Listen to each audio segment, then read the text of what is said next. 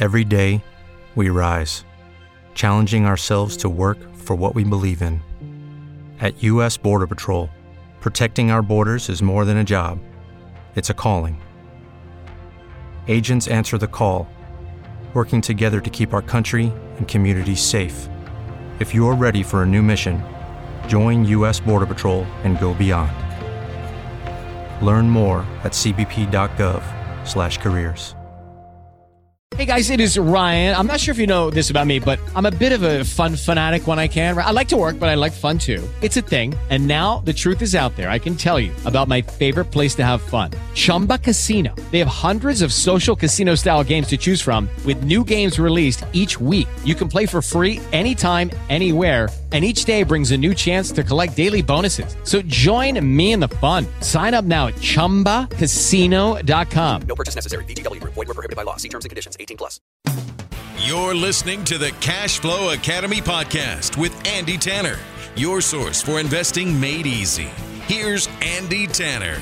Welcome to the Cash Flow Academy podcast, where investing is made simple. I'm your host, Andy Tanner, and I congratulate you for uh, tuning in to this uh, particular episode. Very special guest, uh, William Green, is with us. He's the author of Richer, Wiser, Happier How the World's Greatest Investors Win in Markets and in Life. Uh, this is available on Amazon.com. And we'll talk a little bit about William's background. But first, welcome and thank you for spending some time with us, Mr. Green. Thank you so much. I'm delighted to be here with you. This is going to be a lot of fun. Let's talk a little bit about your background. You know, you've had uh, years and years of experience, and what made me envious is you've been able to rub shoulders with you know the who's who of the investing world. You know, Charlie Munger, you know, Buffett and Munger together, they're closing in on 200 years of, conspir- of experience combined. They're getting close, right? And uh, you know, they're just wonderful guys, and particularly the late uh, John Bogle uh, who founded Vanguard, Peter Lynch, uh, the list goes on. And, uh, you know, in your experience in interviewing these people, you've obviously gleaned a lot, but share a little bit of your background, where you came from, and what brought you to uh, decide to write this book.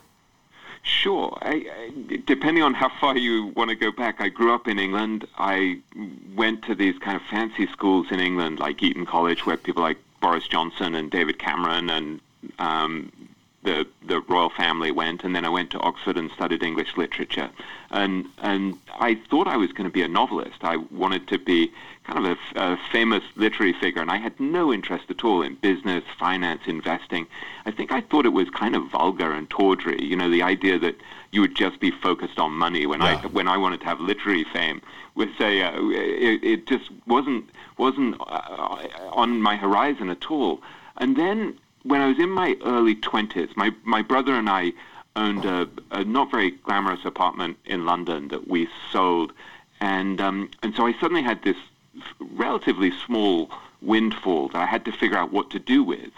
And so I started to read obsessively about mutual funds and stocks. Mm-hmm. And I just thought, what a fantastic game this is. This is this is something where if you educate yourself, if you're smart and you think well, then you can make money really without having to mow lawns or wash windows or or you know go go to a factory. All of these things that I was far too lazy to want to do because I I like the idea of just using my mind to to make money, and and I had this extraordinary advantage, which is not that, not that I knew anything about business or investing. I didn't even have any any um, uh, mathematical ability. I'm terrible at all of that stuff.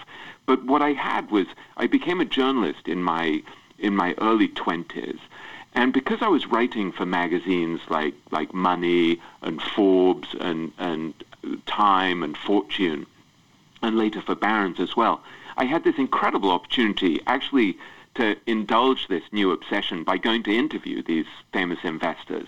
And so I would do things like go off to to the Bahamas for a day to hang out with Sir John Templeton, who was probably the greatest global stock picker of the 20th century. Or I would get to interview Jack Bogle, as you mentioned, who founded the Vanguard Group and was the pioneer of indexing. Or I'd interview Peter Lynch and I'd be talking to him about what he'd figured out from his mentors and how you deal with uncertainty and unpredictability and the fact that sometimes just things come out of left field and, and, and how, how you deal with those surprises in markets and in life. And so I just became really obsessed with this whole subject of investing. And then gradually, I, I think I came to realize that the greatest investors were not just brilliant at making money, they actually were extraordinary thinkers. And I became really fascinated by the idea that you could reverse engineer the greatest investors and figure out why is it that they win and why is it that the rest of us tend to underperform? What, what is it that they have in terms of their insights, their principles, their character traits, um, and what, what can we emulate and replicate, and what can't we emulate and replicate? And, and in a sense, that obsession that I've had really for the last 25 years is the subject of this book. And th- this book is my attempt really to distill and synthesize everything I've learned from hundreds of hours of interviews with, with probably, I'd say, more than 50 of the most famous investors around the world. I, I will tell you that the reason I'm excited to introduce you and also recommend your your latest book to our investors and our our audience is it's really in the title where it says Richer Wiser and then the word happier jumps out at me and how the world's greatest investors win in markets and then you say and life and and I'll just share this brief uh, observation, and then maybe you can comment on this. In my experience, and and I imagine a lot of people's, investing in entrepreneurship has a way of of fettering out or rooting out a person's uh, weaknesses or shortcomings or soft spots in a way that you mentioned, you know, a, a traditional job mowing lawns or or menial labor, whatever it may be, not to degrade that at all, but it's no, just not at a, all. And it's I, a different. that didn't come across. No, no, it's not. People who are less no. lazy than I am and can do that. no, not at all. Not at all. However, I know in my life that you know, learning to deal with my emotions and my temperament, I always thought that learning to invest in stocks or becoming an entrepreneur would be like a recipe. You know, okay, step A, step B, do this, do that. And it was task oriented. All I had to do was do certain things and I'd get a certain result, you know, like on the farm, you know, we plant the seed. And, but mm. what I found is, is as I've studied people like, you know, Warren Buffett and Munger and other people, I found that a person's temperament and a person's mindset and a person's toughness. And a, a, a, a what I t- teach my sons is being bigger than your money which means that money doesn't control me in terms of greed or the fear of missing out or or wanting a big windfall. It really has been a journey for me of personal development of the attributes um, that can be the best of what human beings are and developing those attributes. So the title of your book struck me that it this wasn't just about characteristics that they had in common as investors, but also as great women, great men in terms of their temperament, their character. That's fascinating. What are some of these characteristics that you noticed as, as you've interviewed these people? What are the similar things? Because I look at the list and I know that Jack Bogle has a different philosophy than Charlie Munger, right? Jack Bogle is look, you can't beat the market. Just diversify across my Vanguard 500 for low fees and let the market take care of you. Where Charlie Munger says, no, most of that stuff I wouldn't even invest in, right? So they have different philosophies. What are the similar characteristics? Yeah, well, it's, it's a wonderful observation on your part. And let, let me give you a story about Jack Bogle that I think illustrates this. So about 20 years ago, I would say, I was interviewing Bogle, and in that case, I was actually interviewing him over the phone. And I was talking to him about a mentor of his, a guy called Walter Morgan, who was one of the pioneers of the mutual fund business. Mm-hmm. And as we're talking about what he'd learned from Walter Morgan, the phone suddenly goes dead. And there's me saying, Mr. Bogle, Mr. Bogle, are you still there? Have I lost you? And I'm slightly uncomfortable and embarrassed. And I realize after a few seconds that he's actually totally choked up as he's talking about his mentor. And he says, I'm sorry, it's putting tears in my eyes. Wow. And I said, How come? And he said, because I realized how much I loved him and how much I owe him. And as we started to unpack that, and I said to him, well, why, why did you admire this guy so much? What did you learn from him? He said, the most important thing is that the shareholder is king. And he said, he said, my God, one of our, one of our clients once um, wrote to Mr. Morgan and said, Mr. Morgan, I need a suit. And, and he said, and Mr. Morgan sent him one of his own suits. Wow. And so if you think about that, that's a, that's a really beautiful anecdote that I just tuck away in a section at the back of the book that some people might not even notice.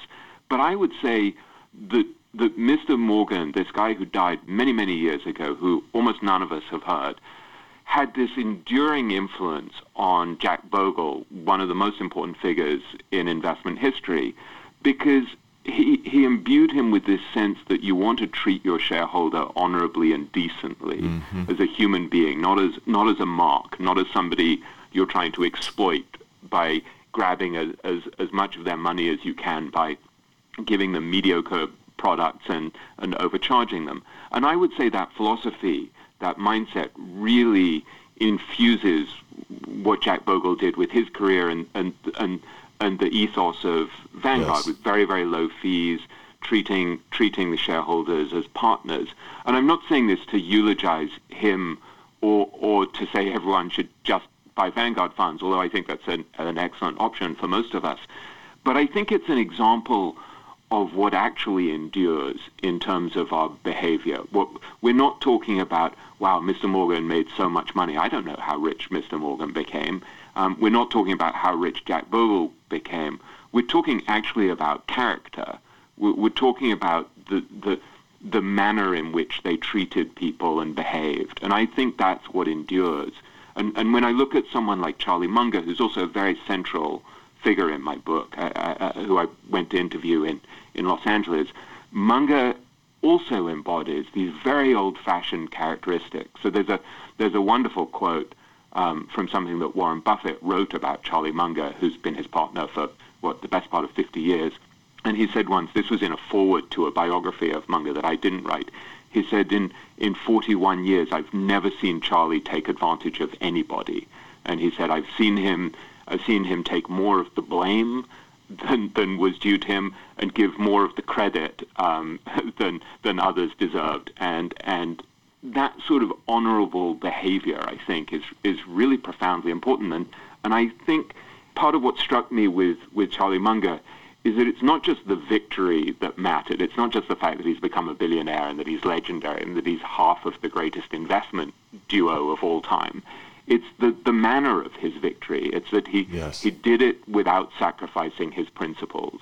And so this is why I think the, the, the, the life aspect that you pick up on in my title is so important. It's it's not just about making as much money as you want. We we, we, we all know that money matters, right? It, it, it's important in terms of of your independence, your your ability to take care of your kids, to take care of your parents, have a secure retirement. I mean, it gives you it gives you a lot of optionality and comfort and security. I'm I'm not diminishing it, but I think it's very related to these other questions like character, ethics, behavior, not worshipping the money, uh, being able to share the money, things like that. Um, and so, so to me, it's very interrelated, and, and, and investing and market and business really are just a subset of everything else, and, and, and the way you behave um, with your money and with your partners and with your shareholders and with your family, they're all they're all interrelated, I think. And if if if you behave poorly in one area, it probably shows up in another area. And if you behave well in many of these areas, I think it inf- it infuses your whole life with a certain with a certain quality that I I would say we see from people like Bogle and Munger, with, without wanting to lionize them or or sort of uh, you know, all, all of us have our flaws. None, none, none of us are perfect, but I think they represent and embody some really valuable characteristics that, that, are, that are helpful for us to, to study and say, oh, well, that's, that's a component of a really successful life. This book is so important for that reason, and I know your effort isn't to you know eulogize Bogle, but we're going to lose. You know, someday we'll get that we'll get that news that that Charlie's passed. I mean, he's in his 90s. You know, Buffett is is 89 90, I believe. And Yeah. you know, you Yeah, look I at think there are 187 between them. yeah, and, and so you look at that vast experience. You know, I had an aunt pass away this last year was 105, and when they closed their eyes for that last time, such an encyclopedia of experience is lost. Uh, you know, when my college basketball coach passed, I thought, man, a great vault of basketball knowledge has now been closed. So to document these things is amazing. And you know, I picked up two other things as I was listening to to what you said. Uh, first of all, as Munger, I, I the decor of my office is quotes. I, I find the things that I think are the best uh, wisdom that I can give, and it's not about investing always, but one of them is from Munger, and it, it embodies what you just said. He said, if all you do uh, to succeed in life is is to buy and sell little pieces of paper, it's a failed life. Life is more than wealth accumulation, and uh, it's so true.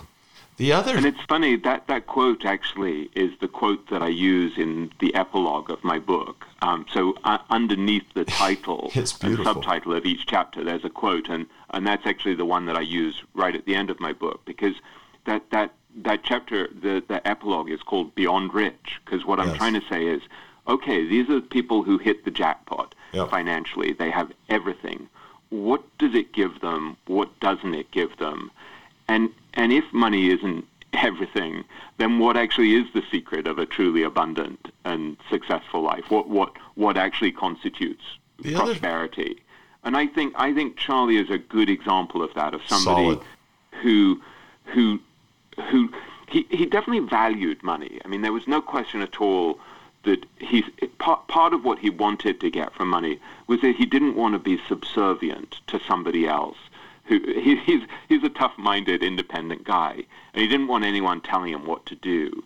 And I think I, maybe one of the reasons why that resonates for me is that I'm like that as well. I it's one of my one of my character flaws, I guess, but it's something it's something that I just need to recognize that I, I don't want to be told what to do. And so for me always I think part of the fascination of the great investors was that they were using their minds to achieve a, a lifestyle where they wouldn't be answerable to other other people excessively. They would have some degree of independence.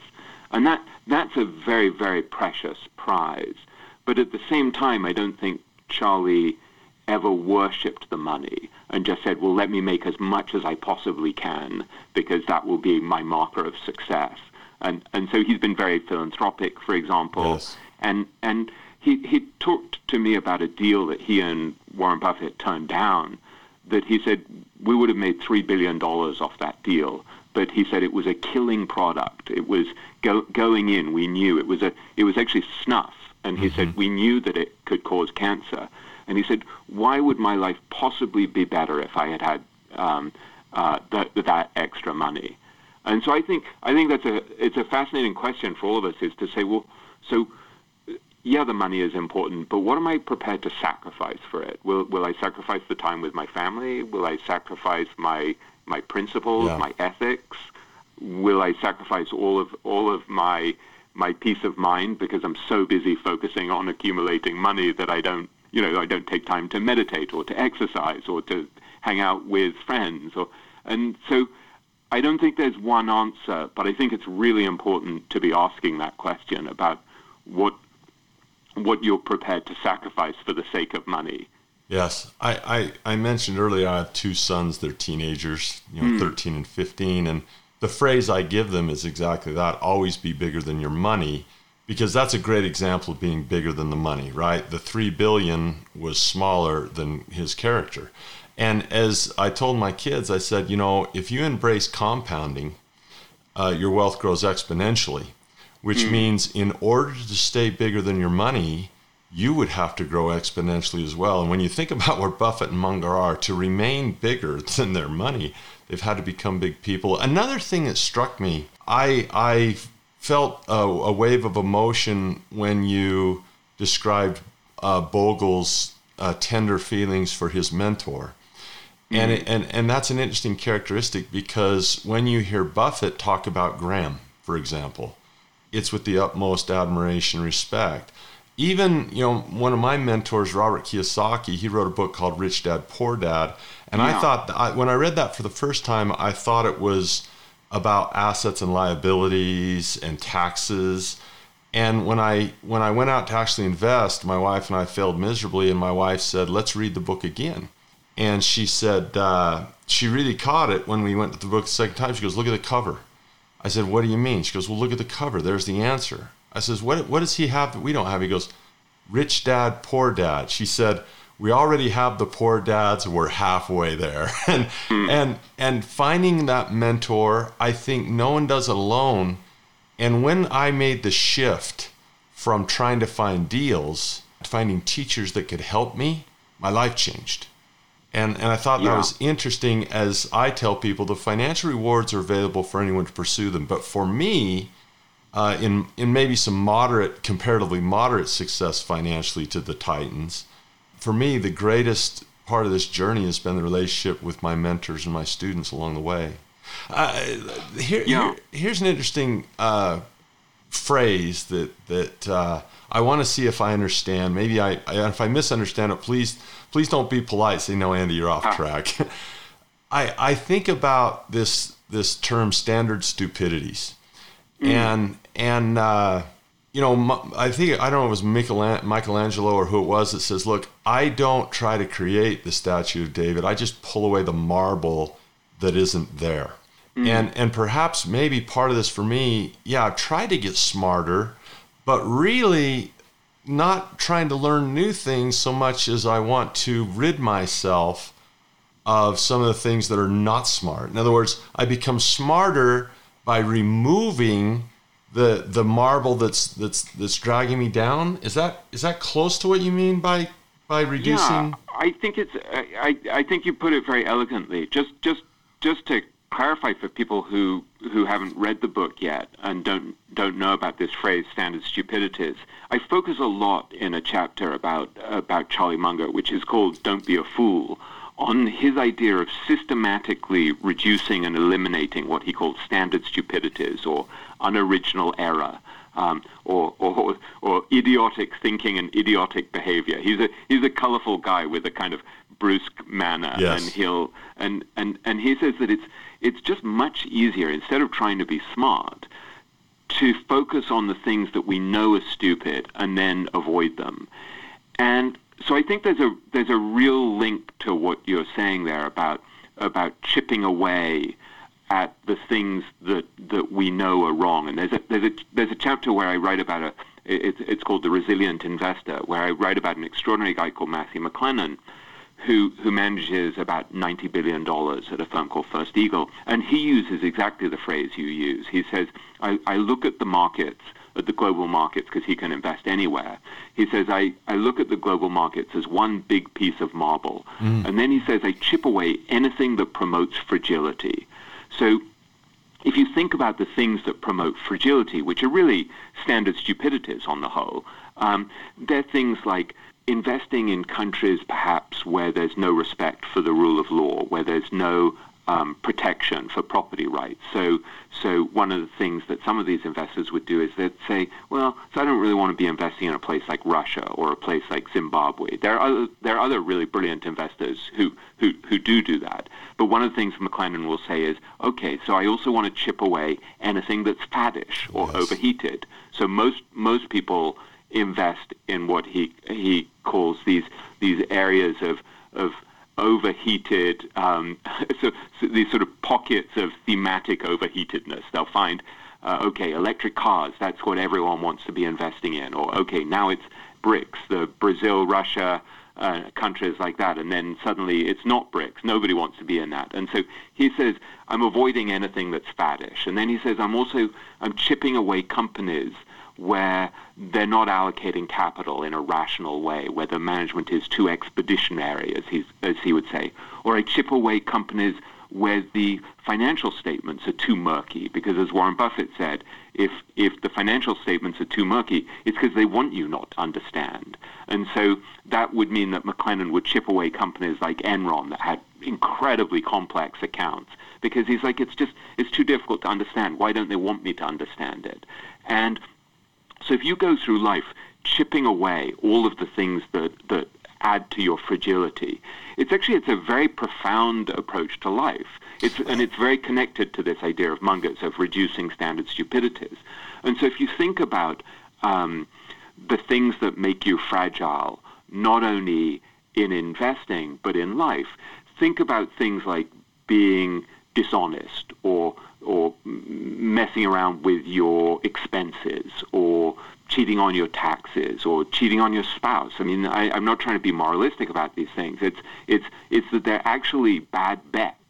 Yes. If you what what a lot of what the greatest investors are doing is that they're they're looking for what they call asymmetric propositions, and so these are things with massive upside and limited downside.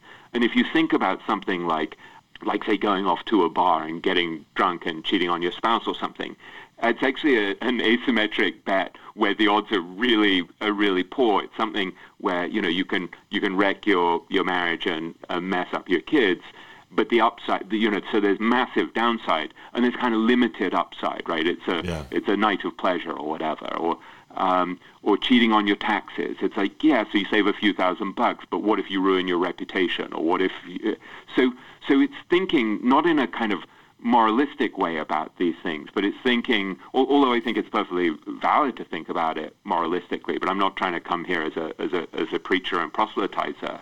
Uh, I, I just think if you go through life thinking about what promotes fragility and, and, and asking yourself, how do I remove fragility from my life? Where am I fragile? Where am I exposed? And, and one of the things that I did with this, applying this way of thinking in a way that was very, very practical, was at the start of the COVID pandemic, where I thought, okay, so I don't have I don't have huge control over um, whether the government is smart about it. I don't have huge control of whether other people wear masks or or whether they social distance. But there are ways in which I behave that actually really will have a big impact on the likelihood of a good outcome. And one of those was simply to say, well, if I'm really heavy and really unfit, um, and my blood pressure is high, then then if I get COVID, God forbid, then I'm much more vulnerable. And so one of the things that I did is I really started to exercise seriously. And so, uh, you know, I, I go I got a Peloton at the start of the pandemic, and I've done something like 400 rides because oh wow, it's because it's just it reduces your vulnerability to the to yes. the virus. Yes. If you're if you're losing, you know, so I probably lost 20, 25 pounds, something like that. That's a really good example of something where you're saying, what what's making me fragile here? Okay, yeah, it's the pandemic, um, but also it's my behavior, the fact that I don't have my diet under control and my exercise under control, and I'm heavy and I'm and I'm too sedentary. I sit around writing and thinking the whole day, and that, and that makes me a really high risk. And so I think that way of thinking is something that helps you in markets, but it really helps you tremendously in every area of life. There's a context, you know, context is everything. Um, how a person sees the world and the value of richer, wiser, happier, how the world's greatest investors win in markets and in life.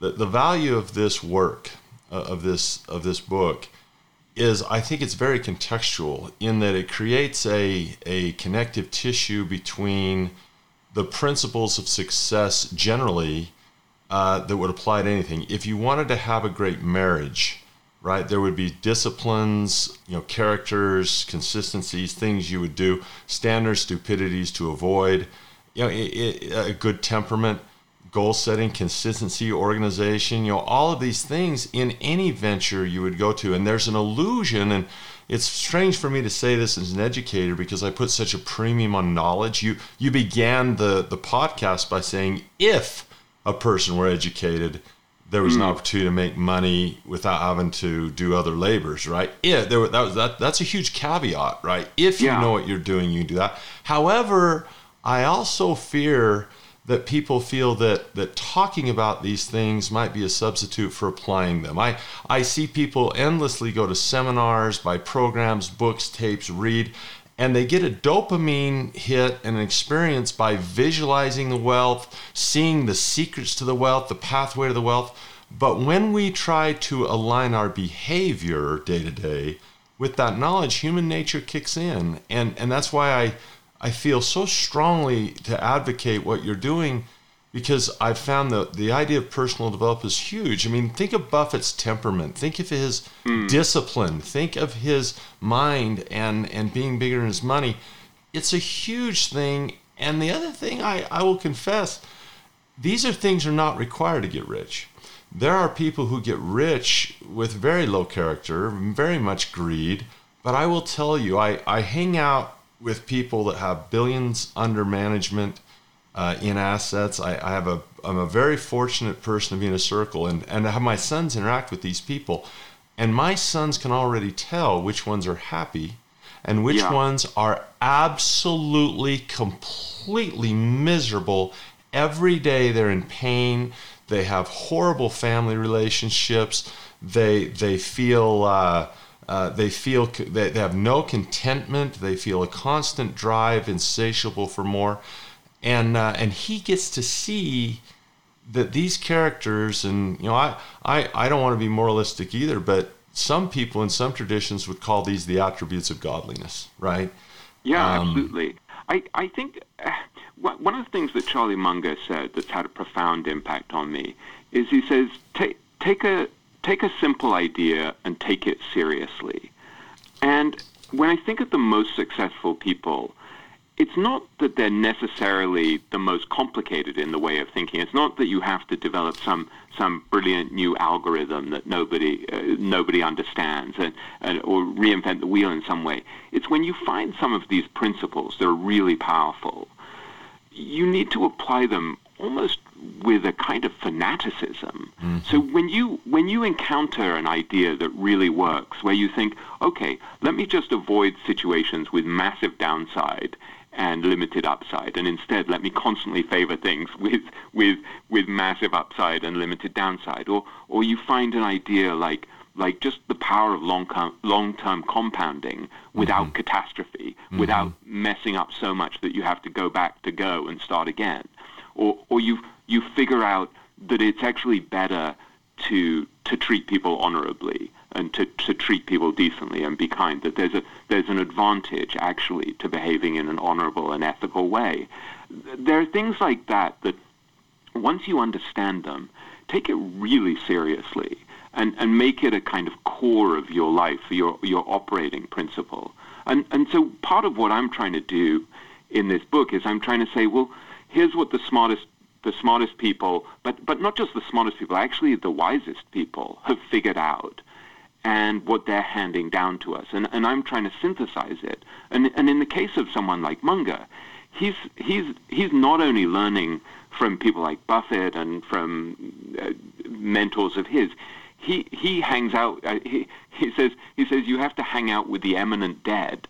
And so he's hanging out through biographies as a, as a self-described biography nut with people like Ben Franklin and, and Darwin and and Newton, and he's learning from them, and he's he's distilling principles from them, and so part of what we're trying to do, I think, is is is stand on the shoulders of giants and figure out from them what what uh, as, as Munger would say, he tries to figure out what works and what doesn't work and why, and and so there's a it's it's the consistency of taking these powerful principles and not just taking them for a quick drive around the block and saying, yeah, yeah, yeah, that sounds like a good idea, and then moving on to the next thing, but saying, no, no, this one, this one is kind of part of my personal, personal armory, and I'm going to use this forever.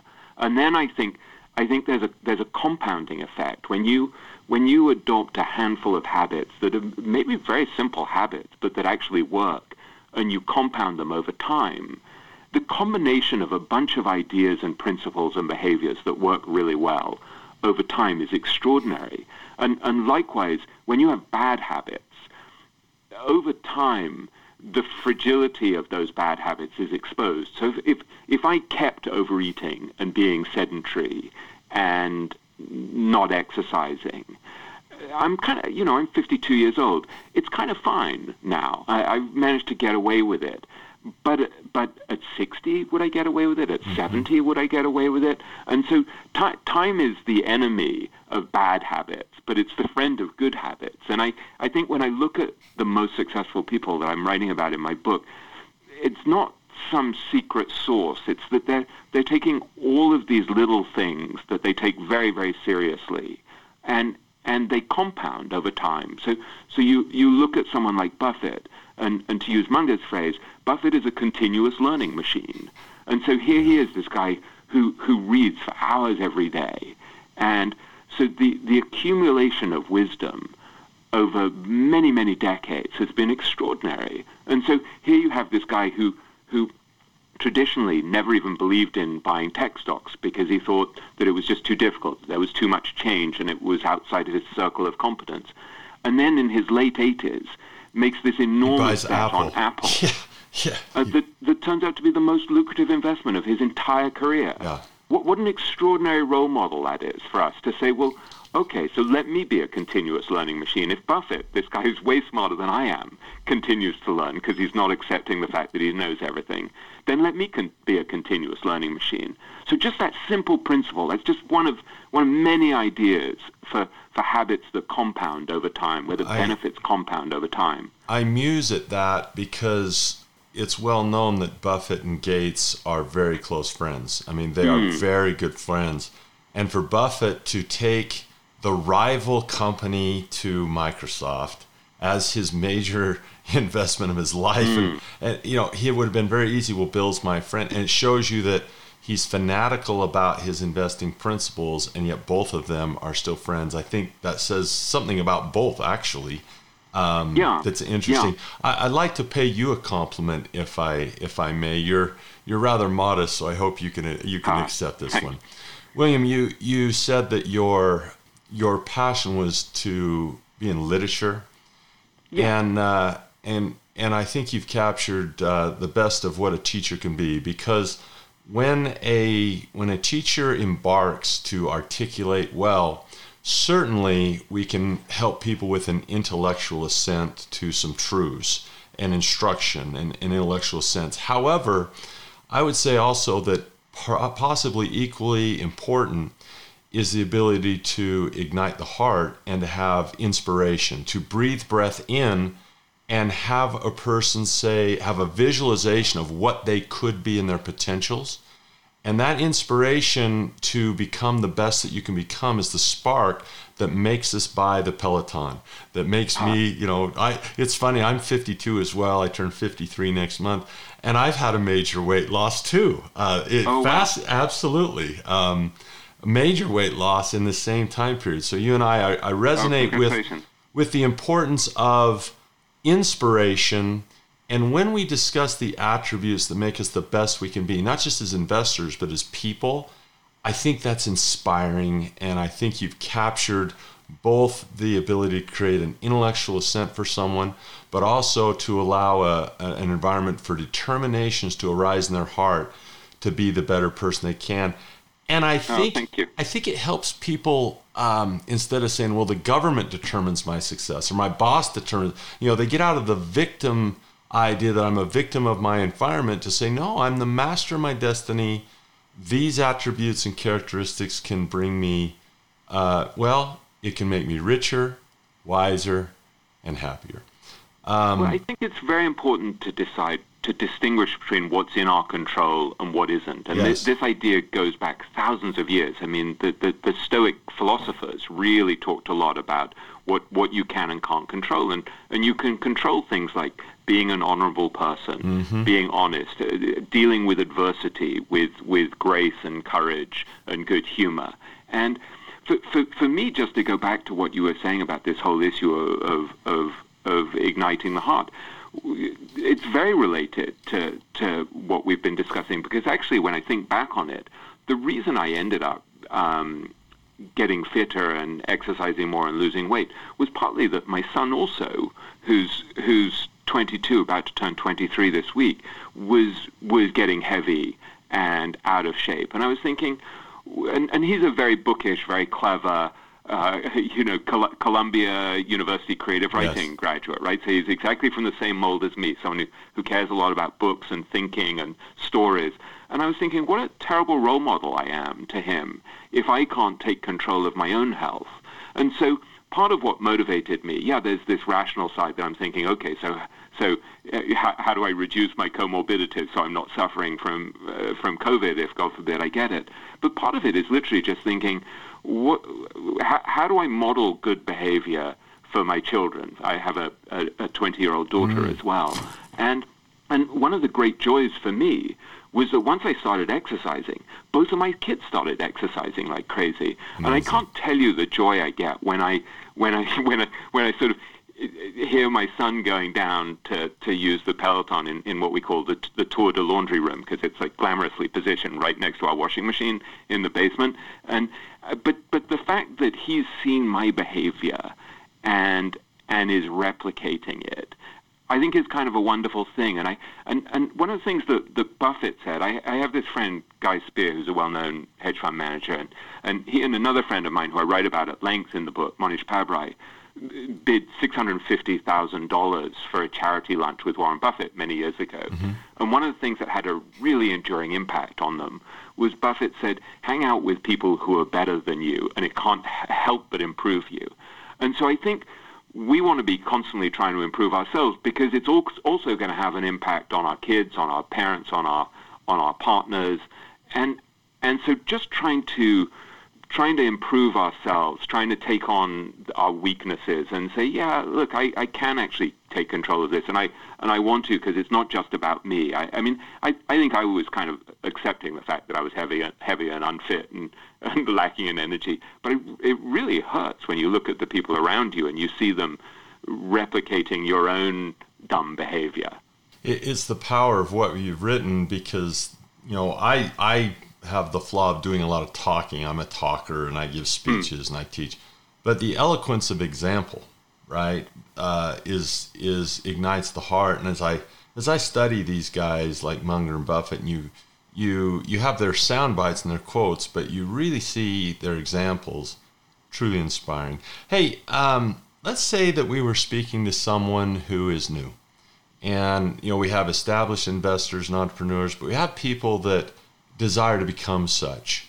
Do you have any words you would give uh, a person who maybe isn't a job that they don't enjoy, or maybe they enjoy it, they just don't want to do it forever, and they're thinking about becoming a serious student of investing and putting some time, energy, and money into into learning? Any advice for them? I think I think one of the things that's fascinating about investing is that the greatest investors have been unbelievably generous in sharing their insights and principles. Mm. And so they're out there available for us if we want to study them. And so I would say go look at things like, in, a, in addition to my book, which I, I, I, I'm not saying is such an amazing thing, but I think distills a lot of the essence of what these guys figured out. I would say look at things like Howard Marks' book, which is um, the most important thing. So he's he's a writer I write about, mm-hmm. a, a, an excellent writer, but also a great investor who manages something like 120 billion dollars. And I describe him as as the philosopher king of finance.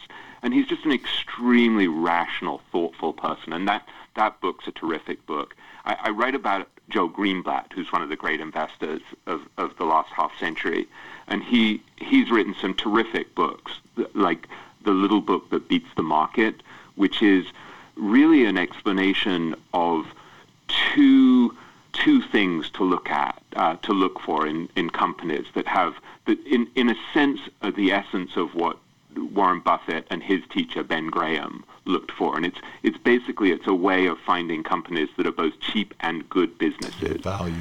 So I think that's that that's really helpful. And then if you want to go deeper, look at something like Poor Charlie's Almanac, which is a collection of, of speeches and writings of Charlie Munger.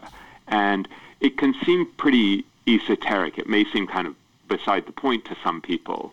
But I think for people who understand just how important Munger is as a thinker, uh, that's a that's a really beautiful collection. And so, for example, to go back to the idea of reducing standard stupidities, it reprints a speech that he gave at a at a high school in Los Angeles decades ago, where he said, "Okay, let me give you the formula for um, the prescription for a miserable life." And so he talks to these kids about all of the things that they should do if they want to have a miserable life. And so he's taking this principle of what he calls inversion, and and applying it to life so that you can say, okay, well, if if I want to have a happy life, let me first figure out how to have a miserable life, and and then avoid those things. And so, I think there's there's a great deal of wisdom available from people like Buffett, Munger, Howard Marks, Joel Greenblatt. And part of what's difficult is that investing seems overwhelming when you're when you're coming at, at it afresh. There are so many options and there are so many products, and and you hear about people who are uh, hitting it big with Bitcoin or with Yeah. um, Yeah. uh, you know whatever the hottest fad is, and I, I and, and I think it's very easy to get carried away or confused. And it, it reminds me a bit of when I was a teenager and I was starting to listen to jazz, and I was thinking, well, so so where do I start? It's so enormous, and and I would be like, oh, okay, so. So if I buy this by Charlie Parker, and then I see that he played with Dizzy Gillespie, okay, so I buy some Dizzy Gillespie, and then I and then I think, well, who else was a great trumpeter before Dizzy Gillespie? Well, it was Louis Armstrong, and so and it takes a while to get oriented that way.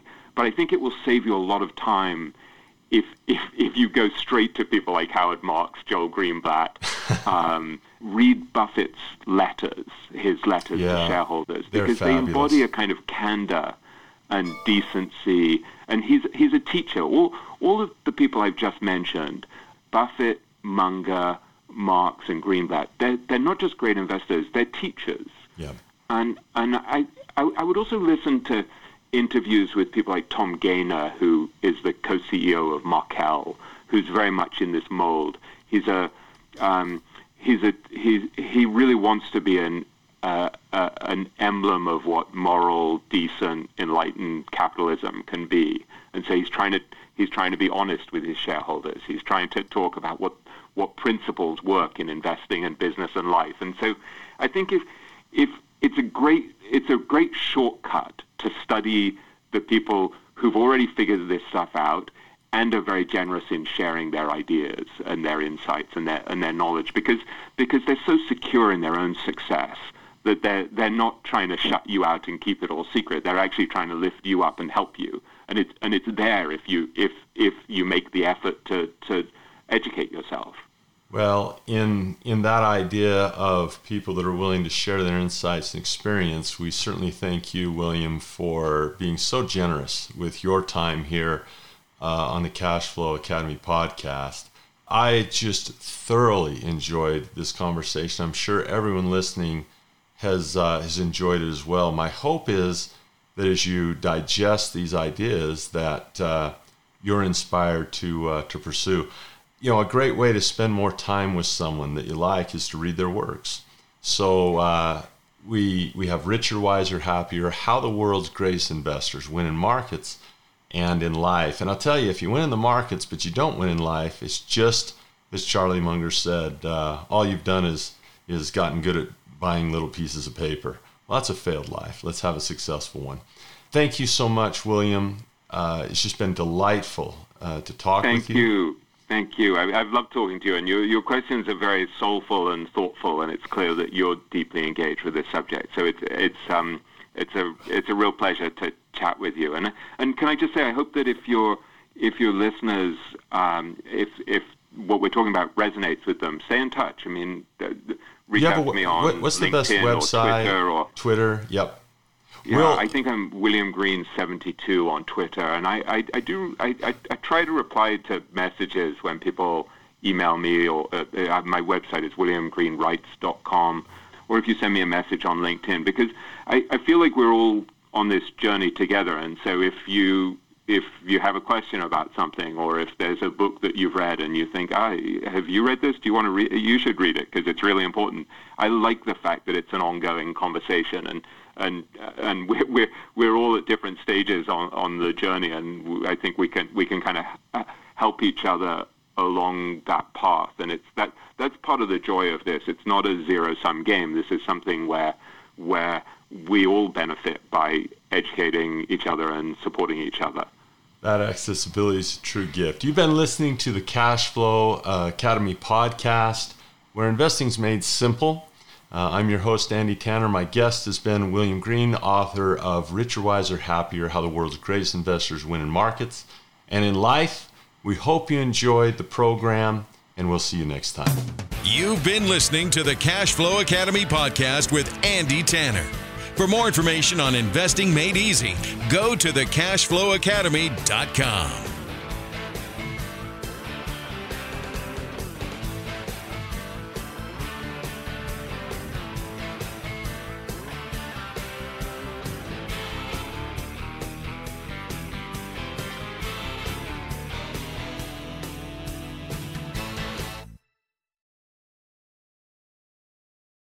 Lucky Land Casino asking people what's the weirdest place you've gotten lucky? Lucky? In line at the deli, I guess? Aha, in my dentist's office. More than once, actually. Do I have to say? Yes, you do. In the car before my kids' PTA meeting. Really? Yes. Excuse me, what's the weirdest place you've gotten lucky? I never win and tell. Well, there you have it. You can get lucky anywhere playing at LuckyLandSlots.com. Play for free right now. Are you feeling lucky? No purchase necessary. Void where prohibited by law. 18 plus. Terms and conditions apply. See website for details.